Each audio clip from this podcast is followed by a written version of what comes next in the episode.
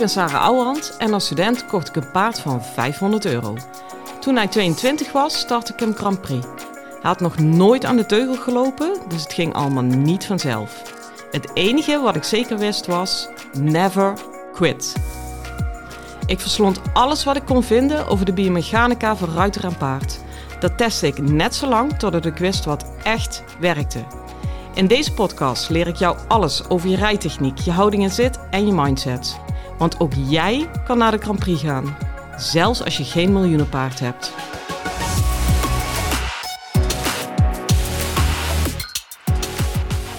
Hi lieve paardenmensen.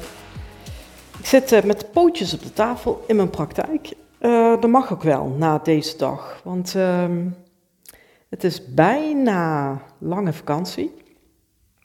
Ik heb het al eens vaker gezegd, hè, jullie lopen iets achter, maar ik zit nou in de voorbode van de zomervakantie. En ik dacht dat ik alles super goed gepland had, totdat mijn man deze week me wist te vertellen dat wij niet over twee weken op vakantie gaan, maar over een week. Kortom, ik heb nog een week korter dan ik had gedacht. Dus alsnog is het buffelen om alles in orde te hebben. Um, ik ben namelijk momenteel bezig met het maken van een nieuwe website. Met name het systeem daarachter wordt helemaal anders. Ja, daar gaan jullie weinig van merken. Maar waar je misschien wel al iets van gemerkt hebt, is dat het kreng voor geen meter werkt momenteel. Dus als je uh, naar mijn site gaat, zit je gerust 30 tot 60 seconden te duimen draaien voordat mijn site uh, op je scherm komt. Ja, dat is natuurlijk echt een absolute killer. Hè? En dat komt door een hele grote webshop die erachter hangt. Ik ga je niet vervelen met alle technische details. Maar uh, ja, daar moet gewoon een heel nieuw betaalsysteem achter, een nieuwe webshop. En toen dacht ik, ja, als ik toch bezig ben, dan wordt die ook helemaal nieuw. Dus ik ben meteen ook maar alle teksten na aan het lopen, alle reviews, alle foto's, et cetera, et cetera. Um, ja, dus even aanpakken. Ik heb daar uh, zowaar een bureau voor in de hand genomen. En jullie kunnen echt trots op me zijn. Want dat is voor de eerste keer dat ik mijn bedrijf heb opgezet, dat ik uit mijn zelfdoen-bubbel ben gekropen. Tot nu toe heb ik echt alles zelf gedaan, ook mijn huidige website uh, zelf gemaakt. Nou, zou je heel makkelijk kunnen zeggen, dat is ook te merken. Uh, maar die traagheid die komt niet door mij of door mijn gekloot uh, aan de achterkant. Dat komt echt door het type webshop dat eraan hangt. Dus ik dacht, weet je, ik doe eens gek. Ik, uh, ik, ik geef het over aan een ander. En dat vond ik maar helemaal niks in het begin natuurlijk. Maar die beste man die werkt erg goed. Dus als je nog iemand zoekt voor websites te maken, dan moet je bij, uh, ja, hoe heet de knakker eigenlijk? Hij heet Koen. Maar je moet bij Online Creations zijn in Rijen.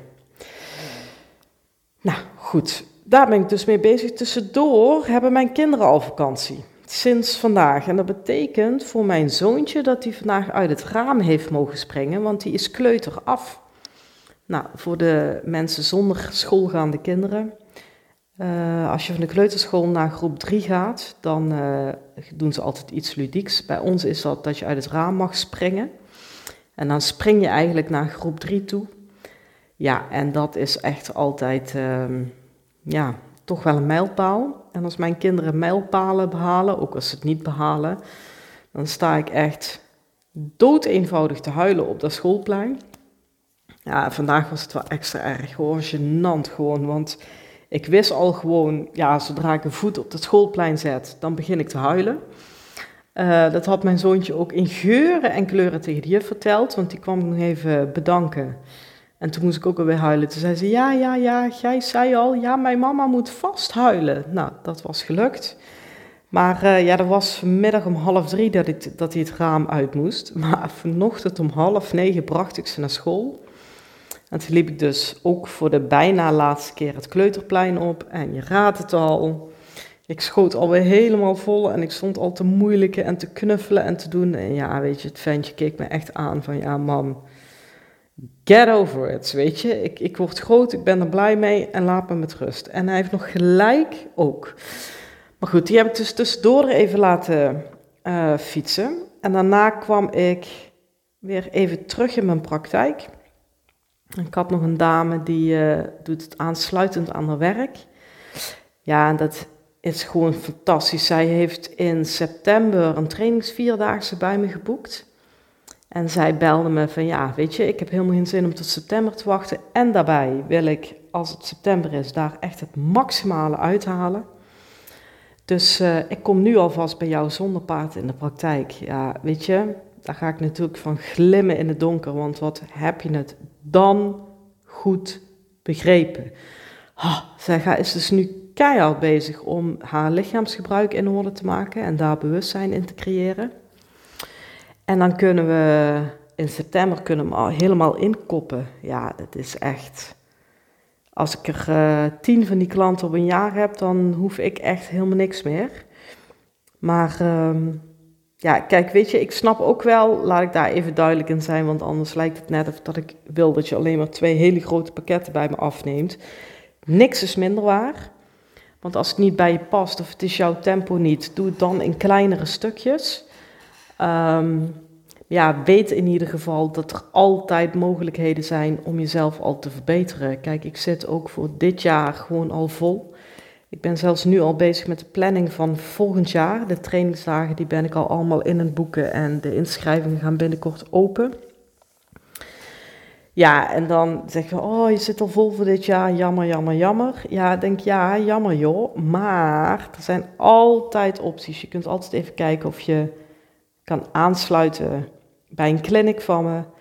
Uh, je kunt zo assertief zijn als die dame en bij mij in de praktijk komen. Je hebt natuurlijk een podcast, daar probeer ik je altijd zoveel mogelijk in te geven. Dus uh, ja, weet je, als je wil dat ik daarin meedenk, weet me dan te bereiken. En waar ik vandaag voor jou in mee wil denken, dat is de keertwending. Um, ik vind dat echt een machtig mooie oefening.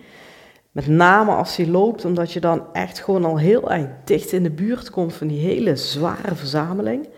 En dat is natuurlijk een hele compacte, zware verzameling, terwijl ik toch nagenoeg op de plaats blijf lopen. Ja, dan schurk je al tegen de piaf aan. Uh, sterker nog, ik ben nou zover dat ik, uh, hoe zeg je dat, piaferend kan keertwenden. Is dit goed Nederlands? Maar je snapt wat ik bedoel. Ja, dat is gewoon helemaal joepie. Dus laat ik je alsjeblieft vertellen hoe je hem goed opbouwt. Want ja, natuurlijk is, staat of valt dit weer met een opbouw. En de meest gemaakte fout, of wat ik toch wel heel veel zie en vroeger zelf ook wel in terecht ben gekomen, hè, is ja, dat, dat ze gewoon naar binnen toe gaan wringen om de as heen. Jongens, ik ga even een oorbeel uithalen. Ik weet niet of je hem hoort, maar ik merk dat hij schuurt tegen mijn koptelefoon. Het lijkt me heel irritant als je hem wel hoort. Eén moment. Yes, hij is uit. Um, de keertwending. Nou, weet je waar een keertwending mee begint? Dat is met het rijden van een goede volte. Daar heb ik een eerdere podcast over opgenomen. Zoek die alsjeblieft op en laat die nog een keer doorwerken. Uh, zelfs als je hem al een keer hebt gehoord, luister hem nog een keer nadat ik je dit heb uitgelegd. Want de essentie van een goede volte en later ook van een goede keertwending is dat je hem rijdt vanuit de buitenkant. Dat is zo ontzettend cruciaal in dit verhaal. Op het moment namelijk dat jij hem vanuit de binnenkant gaat rijden, of daar heel erg je aandacht zit, want ja, stel keertwending naar rechts en je wordt overactief aan die rechterkant, dan doe je eigenlijk in je eigen spiergebruik aan de rechterkant de deur dicht. En vervolgens bedenk je dan, oké, ik trek eerst aan de binnenkant die deur dicht, omdat je denkt stelling, buiging, eh, weet ik veel wat je er allemaal bij bedenkt. En vervolgens ga je hem door die dichte deur heen zitten te proppen. Ja, en dan vinden we het ook nog raar dat hij zijn benen, achterbenen, zijn standbeen laat staan. Dus daar moet je in de kern, in de basis, echt helemaal vanaf. En dat begint op een volte. Dat is hetzelfde als een pirouette. Je begint ook niet met een pirouette, je begint met een werkpirouette. Nou, dan moet je eens op een volte gaan stappen. En dan moet je eens echt even goed voelen. Draai je die volte nou werkelijk vanuit je buitenbeen? Dus eigenlijk vraag je een klein beetje stelling en buiging aan de binnenkant. Zodra dat er is, laat je de binnenkant ook helemaal los. En dan ga je vanuit je buitenbeen en een beetje buiten teugel naar binnen toe draaien. En dat is ongeacht of ik het heb over een grote volte of een volte 8 meter. Zo draai je hem. En nogmaals, scroll terug, zoek die uh, op van hoe rijd je goede volte en luister die een keer. En als je op die manier de volte draait, dan um, maak je die eigenlijk steeds kleiner. En zo leer je de middenhand controleren en zo ga je nog dieper bevestigen um, om het vanaf de buitenkant in te draaien. En als ik het over indraaien heb, dan is het ook nog wel een interessante vraag van ja, wat doe je nou eigenlijk in je eigen lichaam? Hoe ver draai je in? Want op het moment dat je te ver indraait, ga je knijpen aan de binnenkant. En op dat moment doe je aan de binnenkant de deur dicht en krijg je dus het verhaal waar ik het net over had. Um, de goede manier van indraaien is dat jij je buitenheup op het binnenoor van het paard zet. Dan heb ik het eigenlijk over effectief, nou, misschien 2 centimeter indraaien. Echt niet veel. Alles wat je meer doet, zit je tegen te wringen. Die moet je goed zien. Dus je zit op een grote volte, je draait je buitenheup iets op het binnenoor en vanuit daar, vanuit die indraaiing, ga je die volte kleiner maken. En begin nou eens gewoon heel simpel door een grote volte, volte 15 meter te maken, volte 10 meter, misschien volte 8 meter en daar stop je. En dan ga je op die hele kleine volte schakelen. Nou, dat is echt een serieuze klus. Maar dan ga je jezelf en je paard dus verplichten om in die draaiing ritme te houden. En in die draaiing nog wat naar voren te kunnen en nog wat terug te kunnen schakelen. En dat is allemaal nog steeds met een zachte, met een open binnenkant. Oké? Pas op het moment dat je op een volte, nou 8 meter, kan schakelen, je binnenkant open en zacht kan houden en door kan draaien vanuit je buitenbeen, dan kom je in de buurt van uh, maak nou eens een kwart keertwendingje. Draai hem nou eens één pasje ietsje scherper. Misschien twee pasjes. Want sta je niet blind op de keertwending als eindresultaat, maar sta je blind op het één, twee pasjes scherp indraaien waarin die blijft lopen. En in het begin kan dat maar één of twee pasjes, want anders breekt hij af. Zo simpel is dat. Op het moment dat je voelt dat hij daarin afbreekt, of wil gaan afbreken, dan ben je er nog eerder bij, dan ga je vanuit je binnenbeen eruit. En als je voelt dat je weer ritme en impuls hebt, dan draai je vanuit de buitenkant weer een beetje in. En dan speel je hetzelfde spelletje, breekt die af. Ga je vanuit je binnenbeen naar voren, heb je weer uh, genoeg ritme, draai je vanuit je buitenbeen scherp in. En dan kom je er eigenlijk op in, als je dat op uit, als je dat sneller na elkaar gaat afwisselen, dat je een spel speelt tussen je binnen- en je buitenbeen. En daarbij is heel belangrijk dat je niet met één van je benen continu gaat knijpen. Dus je gaat niet aan de buitenkant zitten knijpen, want hij moet om, om, om. En je gaat niet aan de binnenkant zitten knijpen, want hij moet buiging, buiging, buiging of doorlopen. Alles wat het beenhulp te lang aanhoudt, en dat is dus langer dan één moment dat hij zijn poot optilt, uh, knijp je eigenlijk de beweging af. Wat je wel kan doen, want je kunt natuurlijk wel zeggen van ja, maar uh, krijg je een reactie? Ja, dan krijgt hij wel een grotere hulp, maar dat is nog steeds een tik of een por of een, voor mij een schop op één kort moment. En dan uh, los je weer even in je been. Dan inventariseer je bliksemsnel in je lichaam. Heeft hij de reactie gegeven waarvan ik wilde dat hij hem gaf? Ja is check, niks meer aan doen.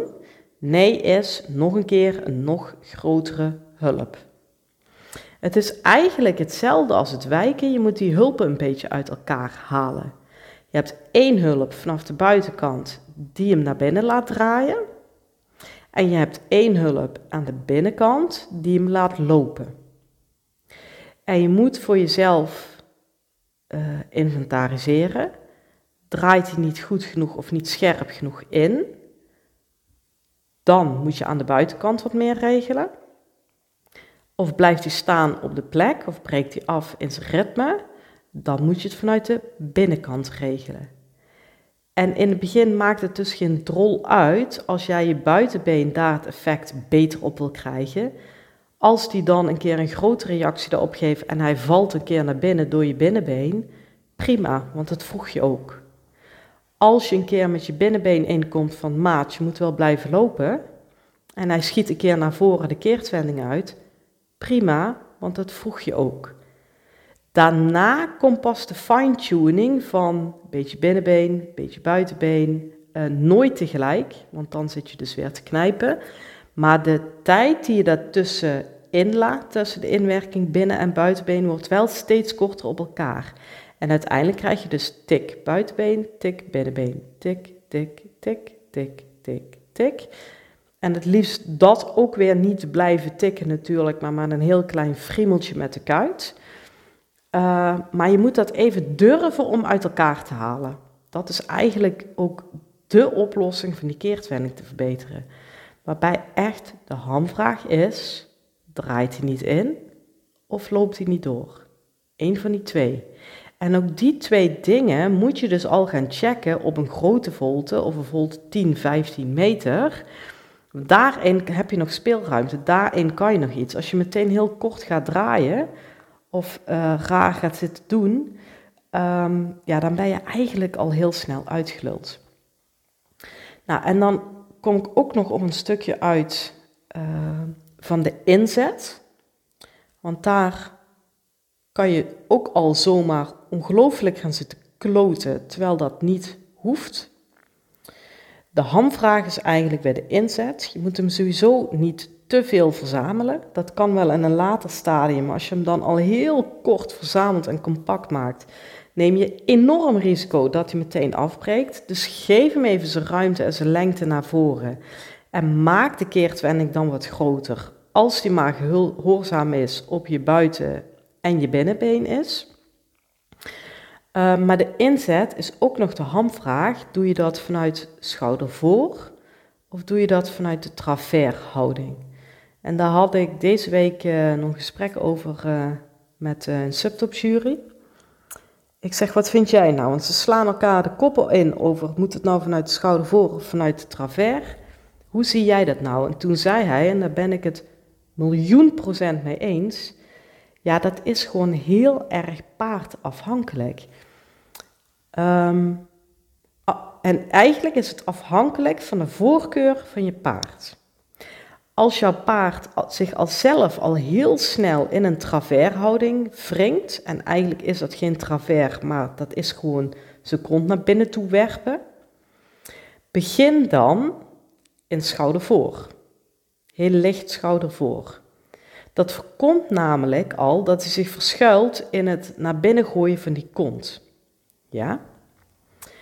Als jouw paard juist heel erg veel moeite heeft met lengtebuiging en je behoorlijk veel schoudercontrole hebt, bijna te veel, waardoor die te recht en te rigide wordt, dan denk ik, zet hem dan eerst een beetje licht travers en draai dan die schouders om die travershouding heen. Snap je?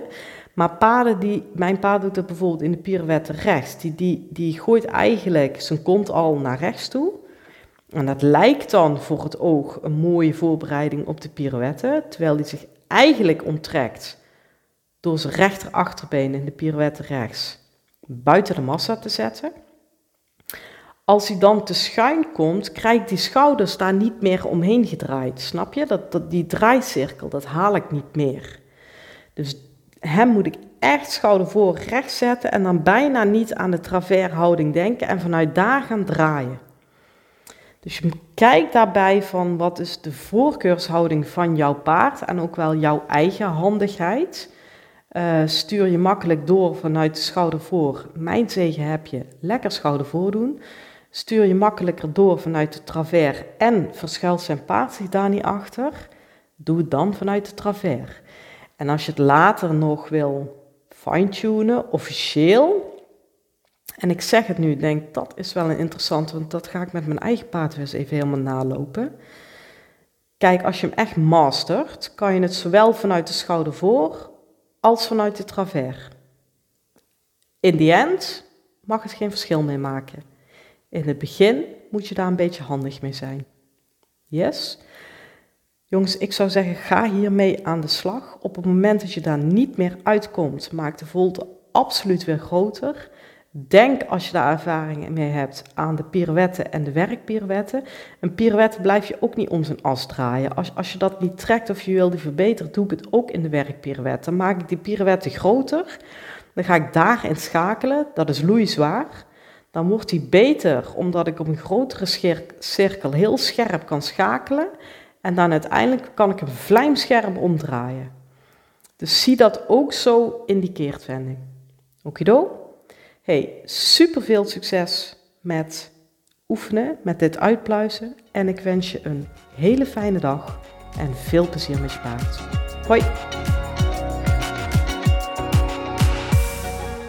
Lieve ruiters, dit was hem weer voor vandaag. Waardeer je mijn tips? Geef me sterren op Spotify en iTunes. Dat voelt voor mij als een dankjewel. En geef je paard een knuffel van me.